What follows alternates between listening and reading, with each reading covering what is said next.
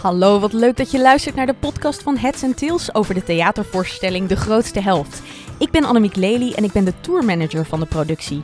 Dit betekent dat ik ervoor zorg dat alles achter de schermen goed verloopt. En de komende weken neem ik jou mee backstage. Ik praat met de regisseur, producent, acteur, scriptschrijver en diverse experts op het gebied van relaties en communicatie. Veel luisterplezier! We nemen deze podcast op aan het einde van de zomer. Het is vandaag 1 september en afgelopen weekend was de digitale uitmarkt. Wat betekent dat het theaterseizoen weer begonnen is. 2020 was tot dusver een heftig jaar voor theaterland, want vanwege de coronamaatregelen hebben de meeste theaters hun deuren moeten sluiten voor drie maanden. Nog steeds hebben we te maken met zalen die maar voor een derde gevuld zijn. En je zou kunnen zeggen dat de omstandigheden om een nieuw theaterbedrijf op te zetten verre van ideaal zijn. Toch wagen Merel Ooms en Benno Hoogveld het erop en produceren ze onder de naam Heads and Tails de voorstelling De Grootste Helft. Een voorstelling over scheiden, gespeeld door Suzanne Visser en Erik Corton.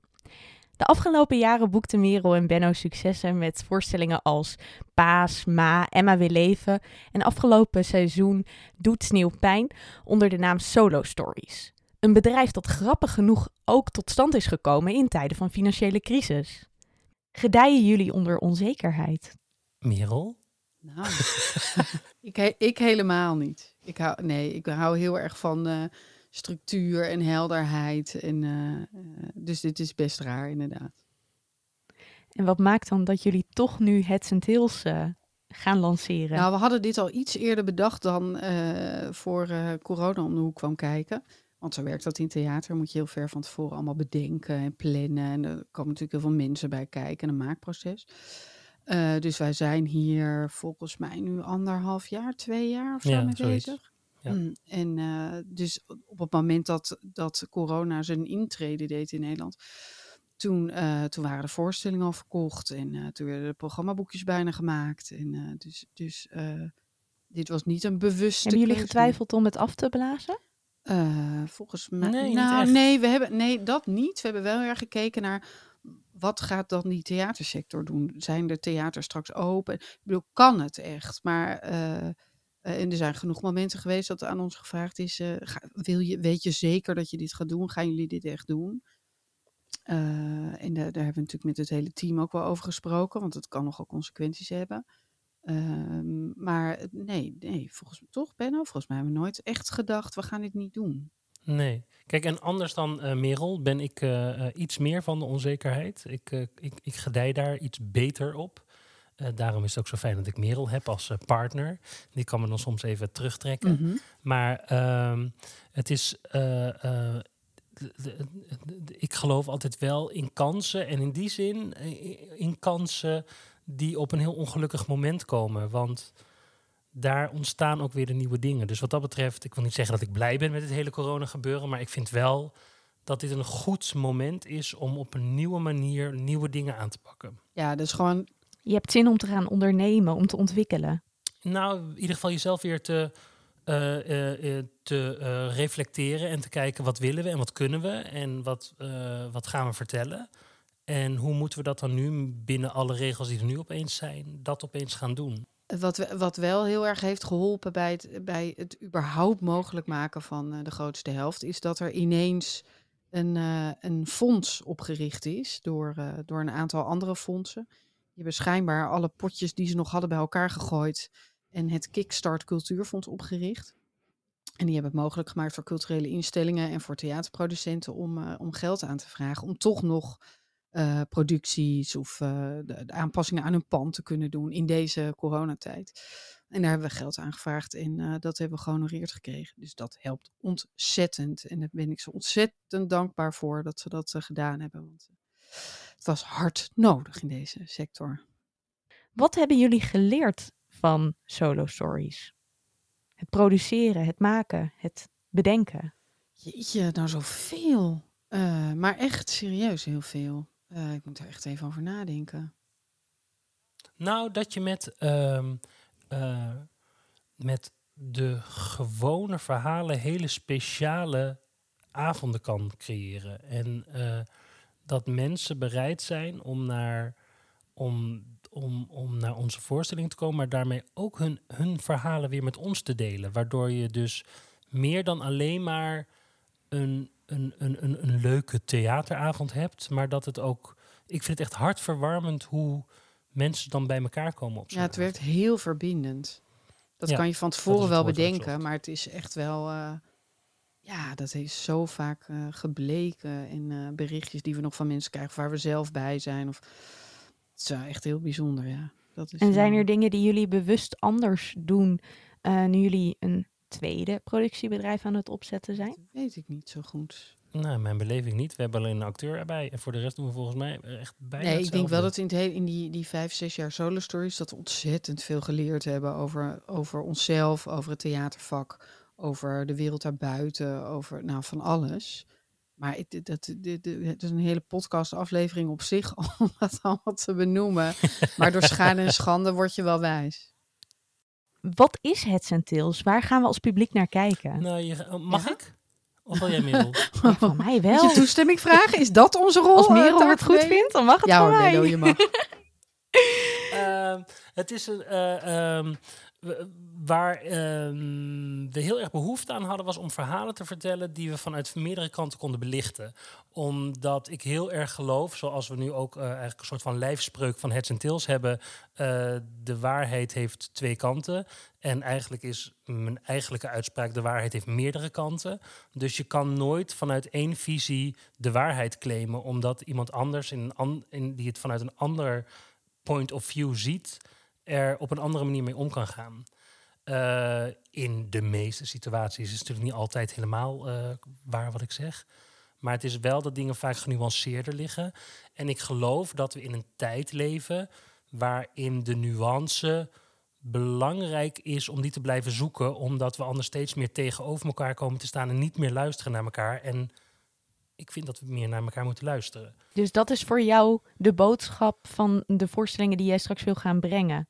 Luister naar nou, in elkaar. ieder geval Praat met elkaar, vind Nou, elkaar. In ieder geval heb wat begrip voor, voor de point of view van de ander. Ja. Ja, stel je open voor de ander, denk ik. Dat Ja, dat, eh, moet, ja. eh, En hoe is dit concept ontstaan? Want eh, tot dusver hebben jullie met Solo Stories voornamelijk solo-voorstellingen gemaakt, monologen. Eh, kwam de behoefte om met meerdere acteurs te gaan Ja, werken? Benno, zeg het maar eens eerlijk. nou, ja, die behoefte kwam er zeker. Omdat eh, eh, ik vind het echt superleuk om één op één met acteurs te werken. Maar ik merkte ook wel de beperktheid in mijn eigen creativiteit daarin. En dan moet je op zoek naar middelen waarin je de creativiteit voor zowel dat nieuwe project als ook voor de monologen weer weet aan te slingeren. En op die manier, eh, nou ja, daar hebben wij over gesproken en daar rolde dit uit. Dus het is heel spectaculair, want we gaan 100 met 100% Ja, meer acteur werken. Nou, en het, was ook, het kwam ook wel samen met dat je, eh, volgens mij, dat je, dat je dit soort verhalen ook wilde vertellen. Dat, er, dat toch dat maatschappelijke eh, Ja. leeft. En eh, dat dit een goede vorm is om het in te gieten. Bij Solo. Stories is het natuurlijk juist dat ene perspectief waar je naar luistert. En is de interactie met het publiek heel erg belangrijk. En, en nu Ja. gaat het natuurlijk ook voornamelijk over de interactie tussen twee mensen, lijkt mij. Ja, dus het wordt iets meer toneel, toneel in plaats van de vertelkunst die een monoloog is. Maar ik merk ook dat ik toch ook alweer monoloogtrucjes toepas in het repetitieproces waar we nu mee bezig zijn. Zoals? Dus op die manier, ja, eh, gewoon dat toch het publiek er op een of andere manier toch weer bij betrokken wordt. En dat het dus toch altijd een wisselwerking blijft. Gaan we het zo over hebben. Wat ik nog wil weten, voordat we naar die voorstelling gaan die jullie nu aan het repeteren zijn. ehm, van waar Heads and Tails? Ja, waar komt die vandaan? Ik weet echt niet meer wie van ons dit bedacht heeft. Jij? Ja? Ja? Oh, nou, het, het kwam omdat eh, eh, eh, het, het kop of munt idee. eh, eh, Twee kanten van de medaille. precies. En, en toen dachten we, ja, maar kop of munt, saai, wat is dat dan in het Engels? Oh, het soort or tails. En eh tails, oh, dat kan je eigenlijk, als je het uitspreekt, zou dat ook verhalen, sprookjes, zoiets kunnen zijn. Nou ja, toen hebben we woordtrucjes, grapjes toegepast. Toen werd het het and tails. Nou ja, heel lang verhaal. Uh, dat is het. Laten we dan nu naar die andere naam gaan. De voorstelling die, uh, die we nu aan het repeteren zijn. De grootste helft. Waar gaat het over? Op een of andere manier maak ik altijd voorstellingen die ergens een verbinding hebben met mijn privéleven. En uh, ik uh, ben een aantal jaar geleden gescheiden. En ik had heel erg de behoefte om een voorstelling over echtscheiding te maken. En dan vooral ook omdat je in, hoewel dat in mijn scheiding eigenlijk heel goed is gegaan. Uh, ik, daar, dat is zo tekenend voor hoe erg je verliest het naar elkaar luisteren. dit is een lelijke zin, maar je snapt wat ik bedoel. Um, en uh, het is belangrijk, juist in dat soort crisismomenten, dat je juist heel goed luistert. Um, en dat was voor mij eigenlijk de belangrijkste aanleiding, denk ik, Meel. Maar het is ook al lang geleden, dus... Ja, soms ontstaan ideeën ook gewoon vanuit kletsen met... Volgens mij kwam dit ook uit een gesprek met uh, Mark Veerkamp, scriptschrijver, wat jij had. Uh, dat, dat jullie iets met die thema wilden. En soms weet je dan niet meteen wat of hoe of waar. Um, en dat vond eigenlijk zo zijn plek als eerste productie binnen Heads and Tails. Um, en, het is en het is natuurlijk een thema waar ontzettend veel mensen te maken, mee te maken krijgen. Niet per se scheiden, alleen maar. Maar überhaupt relaties. Uh, ik, nu al dingen te, ik ben niet gescheiden, maar ik hoorde nu al uh, dingen uit de repetities van, van ik dacht, oh, dat heb ik ook wel eens gehad. Of uh, weet je, dat. En ik denk nou dat iedereen het, gaat, het herkent over eigenlijk de tekortkoming van ons als mens om echt goed te communiceren naar de ander. En echt naar de ander uit te leggen wat jij vindt en voelt. Zonder dat dat vol hangt met aannames en verwachtingen. Daar zijn we allemaal heel erg goed in. En dat zorgt ervoor dat je een ander een bepaalde positie geeft. En verwacht ook dat die ander die positie vervult. En daar is botsing in relaties is het heel vaak zo dat je, je, uh, je, je, je valt op iemand, je wordt verliefd. En dan is die persoon zoals die op dat moment is super leuk en super aantrekkelijk. En vervolgens ga je 30 jaar lang bezig om die ander zo te vormen dat het voor jou het makkelijkst is. En dat vormen dat hij, zo makkelijk, dat hij voor jou het makkelijkst is, gaat ten koste van waarom je ooit op iemand verliefd bent. Dat klinkt als iets breders, wat bijvoorbeeld ook in vriendschappen zou kunnen voorkomen. Ja, dat gaat over alle relaties. Dus het is niet zo dat als je naar deze voorstelling wil komen kijken, je of midden in een scheiding zit, of uh, um, al gescheiden bent, of nou. Nee, ik, ik zou juist willen zeggen, als je in een relatie zit, kom kijken, want uh, hier heb je wat aan. Hier, hier kan je wat aan hebben. Ik wil helemaal niet zeggen dat wat wij maken, dat dat nou zo uh, de waarheid is dat, uh, dat, dat al je problemen zijn opgelost, Tina. Ja, precies. Maar ik zou het wel heel fijn vinden als mensen naar buiten lopen en dan denken: Oh ja, zo gaat het bij ons ook altijd. En als ik het nou gewoon eens een beetje meer in de groep gooi in plaats van dat ik het ze beloop laat. Nou, of dat als je met je partner gaat, dat je een goed aanknopingspunt hebt om op een soort luchtige manier zo over te praten. dingen aan te snijden, ja. ja niet, niet als een soort verkapte relatietherapie. Uh, nee, dat moet het niet nee, zijn. Nee, maar wel als dat, het, dat het misschien wat opent of zo. Of, uh, ja. Nou ja. Dat alle, alle pijn die tot dusver jarenlang ergens al suddert, dat die ineens naar boven komt naar deze voorstelling. nou ja, ik hoop, dit, is, dit, is, uh, dit gaat nooit gebeuren, maar ik hoop dat juist de pijn die er dan al jaren zit, dat die nou eens uitgesproken gaat worden, waardoor mensen weer een soort van volgende stap kunnen zetten. En een beetje kunnen loslaten wat er allemaal gebeurd is, in plaats van allemaal een, een grr blijven zitten. En Benno, als theatermaker, hoe dient theater als een fantastisch thema om het over deze communicatie te hebben? Kun je dat uitleggen?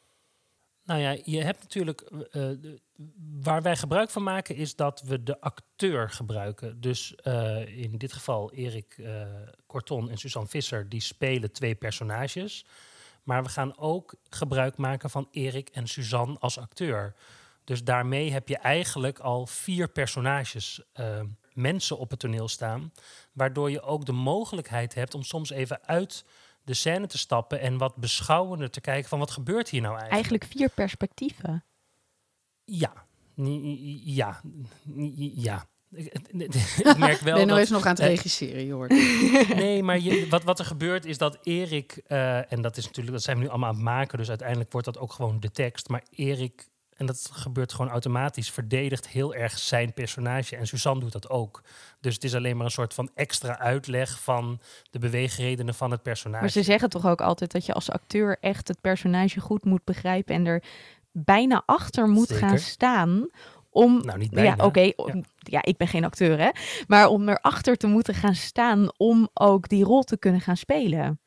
Dus dat Ja. is eigenlijk wat je ziet. Je ziet ook een stukje van het proces. Ja, eigenlijk wel. Interessant. Ik ben heel benieuwd. En waarom dan Erik en Suzanne? Wij hebben Erik... eh, ik ben tijd aan het woord, Merel. Wil je ook wat zeggen? Nee, nou, zo. ik vind het heel, heel interessant, al die artistieke dingen. En ik wil best wel wat zeggen. hè. Zal ik iets hierover zeggen? Hier heb ik ook... Waarom Erik en Suzanne? Ja. Eh, met Erik hebben wij eh, al eerder Ma gemaakt. En eh, dus we zijn aan het kijken wat, eh, wat kunnen we meer. En ehm, eh, een van die dingen was dat we dachten, ja, we gaan deze voorstelling maken. We vonden het heel leuk met Erik. Hij is een goed acteur. Waarom gaat hij dit niet spelen? En toen hebben we aan, en hij zei meteen ja. En Ik wou zeggen, was hij gevraagd- enthousiast? ja, toch? Volgens mij heeft hij helemaal Ja, niet over na te denken. Ja.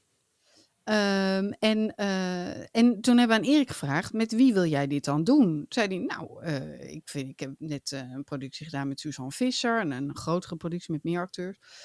Ja, ik vond dat eigenlijk wel heel leuk. Kunnen we niet Suzanne Visser vragen? Nou, ja, gaan we toch Suzanne Visser bellen? Nou, die zei ook ja. Soms gaat het Wat zo een in het leven. Ja, Ja, Ja. echt? Ja, het is niet zo dat we alles voor Erik doen. Hè? Mocht hij dit luisteren, Erik, zo werkt het niet. Eh, ze vechten elkaar de pan nog niet uit. Ik kan me voorstellen dat een repetitieproces over zo'n onderwerp waarin veel ruzie gemaakt wordt. Nou ja, dat dat, dat toch ook, zeker als de acteurs hun personage goed moeten begrijpen, dat dat misschien wel een beetje wringt. Nou, in- in de- de- de- dat zou kunnen, maar we hebben het echt reuze gezellig. Dus er wordt enorm veel gelachen. En eh, eh, er worden heel, heel veel anekdotes verteld. oh, Dat is soms een beetje irritant voor mij, want dan zit ik echt te wachten en eh, dan denk ik, kunnen we door? Maar ik geloof ook wel heel erg dat het gezellig moet zijn. Dus ik ga er niet al te ingewikkeld Maar over zijn doen. dit geen bruikbare anekdotes? Dat je, denkt, oh, maken we nog even een scènetje van? Of voor een Nou, volgende soms voorstelling? wel. Jawel, soms wel. En soms is het ook zo dat ze gewoon even willen vertellen als we dan zeggen van oh ja, maar over twee maanden staan we in eh pff, Schin op Gul. Daar staan we niet, maar ik noem maar even Oh, een God, dorp. ja. Ja, dat daar zij dan zeggen, keer oh ja, geweest. daar ben ik ook eens ja. geweest. Weet je nog? Daar en werd daar hebben Kees. ze. Ja, Ja, en dan komt er zo'n heel verhaal over eh Schin op Gul. Oh, ja. Waar zijn jullie in het ze, proces? We, we hebben donderdag, dat is de eh, laatste dag van onze derde week, eh, hebben we voor het eerst een doorloop. En dat is altijd voor iedereen spannend, want dat betekent dat bij die doorloop komen alle creatieven kijken. Dus dat is eh, de decor- en lichtontwerper, de eh, componist, de eh, kostuumontwerper, de schrijver natuurlijk. nou, die, die zijn en jullie zijn er. Dus dan zijn er een hoop mensen aanwezig. En ehm, dat is altijd heel spannend. En vooral voor de acteurs. Want ik roep heel erg, het is geen voorstelling. En iedereen komt gewoon kijken of het deel waar zij voor komen... of dat eh, bruikbaar en werkbaar is zoals we het bedacht hebben. Maar acteurs voelen natuurlijk gewoon dat ze toch een soort van voorstelling... voor het eerst moeten gaan laten zien. Terwijl ze nog niet alle tekst uit hun hoofd kennen. En nog niet heel scherp op alle afspraken zijn. Die zijn er overigens soms gewoon nog niet. Dus want we zijn nog aan het maken en hierna komen er nog twee weken. Want eventjes, eh, ik eh, geef meestal de inleiding bij een theatervoorstelling. Dat wordt eh, ook allemaal Mhm. wel spannend of dat deze keer plaats kan vinden. Maar zo'n proces, een theatervoorstelling, is nog meer dan puur repeteren. Er gebeurt natuurlijk achter de schermen nog veel meer. Er zijn mensen aan het nadenken over muziek. Er zijn mensen aan het nadenken over decor. Waar staan jullie Ja. op dit moment? Nou, de ideeën zijn er. En die worden nu dus samengebracht en hopelijk dan ook goed bevonden en daarna uitgevoerd. Ik heb bijvoorbeeld van eh, Rick Ronner, dat is onze componist, heb ik eh, eh, muziekjes gekregen. En die zegt van nou hier, ga maar eens kijken. En dan ga ik dan nu een beetje mee werken om te kijken of ik vind dat die muziekjes op een bepaalde plek kunnen. Mike den Otterlander, die heeft het decor ontworpen. Eh, die komt dan nu donderdag kijken of wat we bedacht hebben, of dat ook een beetje werkt. En ik weet dat natuurlijk al voor een deel, omdat ik er nu al drie weken mee gerepeteerd heb. Maar ja, nou, zo zijn we dat aan het onderzoeken. drie weken, het is nu een beetje halverwege het proces, toch? Dat Na is zes het, ja. weken komt de montage en dan vallen al die puzzelstukjes zo samen. Hoe is dat voor jullie? Dan is datgene waar je al, nou ja, twee jaar aan werkt. Anderhalf jaar, zeiden jullie? Zoiets? Ja, Komt zoiets. ineens, wordt realistisch, wordt echt. Wordt ook tastbaar. In hoeverre theater tastbaar kan zijn. Ik vind dat het, voor mij is de montageperiode het allerleukst van, de hele, van het hele proces omdat dan komt inderdaad alles samen. En eh, eh, het is ook de meest stressvolle periode. Want als dingen opeens dan toch niet blijken te werken, dan heb je nog maar heel weinig tijd om iets anders te verzinnen. Eh, misschien moet heel even. Ik weet niet of iedereen die luistert weet wat een montageperiode is. Oh ja, sorry. Maar dat zijn een paar, paar dus dagen dat je in een theater bent en dan komt alles samen. Dus je licht, je geluid. Uh, er zitten ineens mensen in de zaal bij de eerste voorstelling die je daar speelt. Nou, dat. Dan, is, dan zie je het echte plaatje. Nu repeteren we gewoon in een soort vergaderruimte. Met, met licht. Ja, met een systeemplafond. En, uh, en hoe is die week voor jou, Merel? Die week, die montageweek, oh, die vind ik echt dodelijk saai. dat is echt heel grappig. Want wat doe jij op zo'n nou, moment? Ik, heb, nou, ik, ben, ik zorg dat ik er ben. Dat sowieso, omdat uh, als er even gespart moet worden. Of al, kijk, meestal is het zo dat er, dat er ergens die week iemand naar mij toe komt. Meestal is het Benno die zegt, ja, er moet toch nog wel wat. Hebben we nog budget? Kan er nog wat? Dat is altijd zo. Dat is al zolang ik theater maak, gaat dat zo. Dus daar, dat is vooral mijn functie. Uh, maar nee, het, het, is, ik ben er gewoon. Je zit niet in de rode pluche te wachten tot het moment. Nee, nee, nee, ik neem mijn werk mee, mijn laptop en uh, administratie en dingen. En ik ga gewoon ergens in een kleedkamer zitten werken. En ik, nee, maar het is voor mij heel fijn dat Merel er is. Want er is inderdaad altijd een moment, en dat gaat niet altijd over geld. uh, maar het is ook dat we, dat we zeggen, we hebben we hebben iets bedacht en het werkt niet. Hoe gaan we dit fixen? Ja. En dan is het heel fijn om Merel daar te hebben, zodat we gewoon even goed kunnen sparren en kunnen bedenken wat er dan wel kan. Nou, en soms ook omdat jullie er al heel erg in zitten, al, al dagen, al, al weken zo op die materie zitten. En ik zie meestal alleen maar een doorloop. Ja. Uh, dus dan heb ik een iets frissere of iets, nou, een blik met iets meer afstand. Zeg. Dat ja, kan nog zeker. wel zo. En dan komen de try-outs. Dan komt het publiek erbij. Ja, dat is mijn lievelingsmoment. Van jou niet, Ja? Nou, dat vind je heel spannend. nou, moet ik zeggen waarom niet? Ja. Uh, omdat de, uh, um, dan gaan mensen een mening hebben. En wat zo fijn is, uh, zeker als je regisseur bent, en je doet het natuurlijk niet in je eentje, want je overlegt constant met alle departementen en je maakt het echt samen. Maar het is echt nog wel heel erg van mij. En zo gauw er andere meningen bij gaan komen. Um, en dat kan alleen al zijn omdat een uh, publiek op een moment lacht wat ik niet heb bedacht. Of omdat het niet lacht op een moment wat ik wel heb bedacht. Dat gaat invloed hebben op zo'n voorstelling. Dus er komen krachten van buitenaf. En die verpesten geen... jouw, jouw kunstje. Daar heb je geen controle meer over. Is dat het kwetsbaarste moment voor jou, Benno, als regisseur? Uh, nou ja, misschien wel ja. Nou nee, niet waar. Want bijvoorbeeld uh, donderdag is ook een heel kwetsbaar moment. De doorloop. De allereerste doorloop. Ja, dat er dan, dan gaan er ook mensen wat vinden. Maar dat is er nog steeds, dat, dat is de familie die er nog wat van vindt. Ja, of de première. Volgens mij is de première, vind je ook nooit zo heel... Uh... Nou, ik vind de première gewoon niet zo leuk. Maar dat heeft gewoon ook meer met mijn eigen stress misschien wel te maken. Ja, dat bedoel ik. Omdat er dan toch heel veel mensen zijn die we kennen. En zitten de recensenten, terwijl we altijd roepen dat het ons niet interesseert wat die ervan vinden. Maar ja, waarom nodig En waarom uh, interesseert het jullie niet? Want ja, recensenten zijn er. Niks voor niks nou, natuurlijk. Nou, het is meer denk ik om, uh, om te zorgen dat je jezelf een beetje wapent op het moment dat een recensie tegenvalt. Nou, en ook omdat je, ook omdat je uh, dat we wel gemerkt hebben, ehm, en, en, dat geldt voor mij niet alleen binnen de dingen die ik hier met Merel maak, maar sowieso. Um, de, er wordt heel vaak een bepaald soort kritiek op mijn regies gegeven. En uh, dan mag, iedereen mag daarvan vinden wat hij vindt. Maar uh, uh, ik heb gemerkt dat dat niet zoveel uitmaakt voor wat het publiek ervan vindt. Nou, dus, dat was inderdaad ehm, wat ik dacht dat je zou gaan zeggen. Want um, bij Solo Stories hebben jullie natuurlijk erg gemerkt dat er veel publiek op afkomt, wat niet per definitie theaterpubliek is. Echt uh, mensen die um, misschien ja, één keer per jaar een voorstelling bezoeken, misschien zelfs niet eens en puur voor het thema komen. Mm -hmm. uh, verwachten jullie dat bij Heads and Tails ook?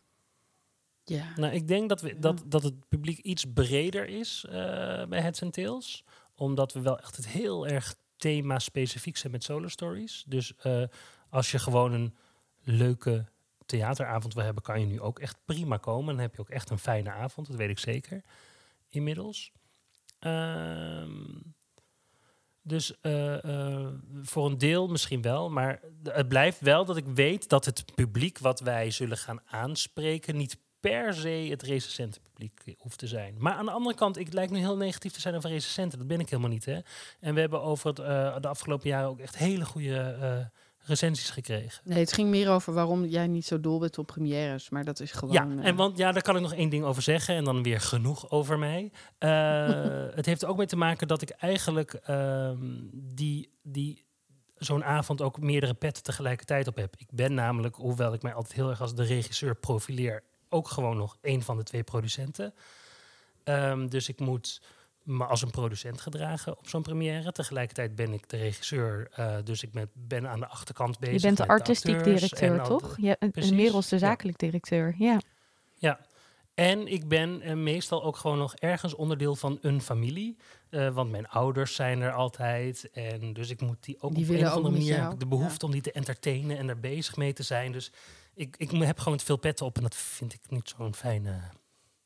Nou, daar moeten we het dan nog maar eens een keertje over hebben. Hè? Eventjes voor de mensen die, die nu luisteren. De, de mensen die nou ja, twijfelen misschien om een kaartje te kopen. Want ja, we zitten wel met, wat is het, een derde uh, gevulde zaal. Het is mhm. anders dan dat het was. Maken jullie je daar zorgen om? Bedoel je dan over hoe, hoe publiek de voorstelling beleeft? Nou, um, dat. Um, maar ook gewoon, het, uh, ik denk dat dat heel erg met elkaar te maken heeft. Aan de ene kant, um, ik merk dat zelf ook als ik nu naar een theatervoorstelling ga, dat je toch twee plaatsen naast je leeg hebt. En dat heeft wel invloed op hoe je een voorstelling beleeft, volgens mij. Ik denk ook dat er heel veel mensen zijn die dat heerlijk vinden. Maar nou goed, dat, dat, is zo. Uh, als er zijn heel veel mensen die zeggen, in een bioscoop vind ik het super fijn als ik in mijn eentje in de zaal zit. Dat is nou, ook zo. Niet precies, ja dat is wel heel extreem, maar het, daar komt het wel op neer. Het feit dat je, uh, ik kom nu in zalen waar ik gewoon beenruimte heb, omdat de rij voor mij weg is gehaald. Wat voor mij echt super fijn is, want ik zit dus niet meer opgevouwen. Zeker in de oudere theaters. Ja. ja. ja, maar en, en kijk, het, uh, een bioscoop voelt echt wel. Naar de film gaan is natuurlijk heel anders dan theater, want Tuurlijk. bij theater zijn mensen live iets voor jou te doen. En het is een ehm, sociale belevenis. Exact. En, en ik eh, weet dat er vanuit het vak, met name door cabaretiers, wel is gezegd: ja, maar ik maak mijn voorstelling op de lach en op een soort tempo. En dat begrijp ik heel goed. Mm wat ik, en, en, wat ik dus heel interessant vond, was om zelf te ervaren. In juli speelden wij een paar voorstellingen in het De Lamar Theater met solo stories. Um, dus ik, ik was daar heel benieuwd naar. Wat gaat er doen in de zaal? Wat gaat er gebeuren met de energie? Wat gaat gebeuren als iemand hoest? Uh, rent dan iedereen gillend weg? Of, uh, ik vond dat echt totaal niet. Ik had echt niet het idee dat het een heel ander soort ervaring was. Uh, nee. Weet je, in theater kan je ook heel goed controleren. je, je kan het niet vergelijken met een evenement of zo, weet je. Je kan heel rustig, kan je naar binnen, je kan je handen goed schoonmaken. Uh, er zijn allemaal mensen vanuit het theater, uh, personeel, die zorgen dat je rustig naar je plek gaat. Dat je, het is echt heel, heel goed geregeld. Die theater hebben onwijs hard gewerkt en hun best gedaan. En de samenwerking um, ook toch, tussen theaters en producenten? Zeker, zeker. Daar, is ontzettend, nou, daar zit ontzettend veel werk in van alle kanten. Omdat we met z'n allen het allerliefst willen dat zoveel mogelijk mensen weer naar theater kunnen gaan. Dat we mooi voorstelling kunnen maken. Je moet ook laten weten dat je er bent. Ze hebben je gegevens. Dus eh, weet je, als er iets gebeurt, is het heel makkelijk te controleren. Um, en ik vond dus zelf, toen ik in de Lamar was, ik ben er bij een paar van onze voorstellingen geweest. Ik had helemaal niet een, rare, een raar gevoel erbij. Je, je, je, op bepaalde momenten dat er een beetje gelachen werd of dat het emotioneel werd, voelde je dat nog steeds heel erg. Um, er waren mensen die hoesten, dus ik hield mijn hart vast. Ik dacht, wat gaat dit doen? Helemaal niks. Iedereen zit gewoon heel rustig daar. Ja, ik, ik, je went er ergens ook het aan. Echt niet, ja, echt alle mensen die hierover twijfelen, echt niet doen hoor. Gewoon gaan. Nou, Ga het gewoon een keer laten we hopen dat gewoon gauw een vaccin komt en dat, het, uh, dat, dat we dan weer voor grotere zalen kunnen spelen. En tot die tijd koesteren wat we kunnen doen. Um, ik ben heel, nog heel erg benieuwd. Wat zijn jullie toekomstplannen? Ja, kunnen we niks over zeggen. Nog niks? Helemaal niks? nou, Um, nee, dat hangt ook van heel veel dingen af. Dat hangt heel erg vanaf hoe de theatersector er straks uitziet en uh, nou, van alles. Um, maar we nou, zijn natuurlijk wel aan het kijken naar verhalen uh, waarin die tegenstelling tussen twee uh, mensen heel duidelijk is. Precies, Ehm, want dat is in ieder geval voor mij de, de, eh, de drijfveer om deze voorstellingen te maken. En ik weet zeker dat er nog een miljoen verhalen te vinden zijn die je van twee kanten kan belichten en dan ook echt twee verhalen in één verhaal kan vertellen. Dus ehm, ik heb wel heel veel zin om hier eh, een hele hoop mee. En dat doen we ook al hoor. We mogen er alleen nog niks Nee. over zeggen. De afschuwelijkste zin in theaterland. Mag ik nog niks over zeggen? Nou, vandaag maar zijn we eigenlijk al begonnen met het vertellen van twee verhalen. Namelijk met het verhaal van zowel de zakelijk als de artistiek directeur. Dank jullie wel, eh Merel en Benno. En heel veel succes eh, de komende weken. Dankjewel. Dankjewel. Wil jij de grootste helft graag zien? Dat kan, want de voorstelling reist nog tot januari 2021 langs de Nederlandse theaters. Ga naar headsandtails.nl en bekijk de speellijst. Leuk om je daar te zien.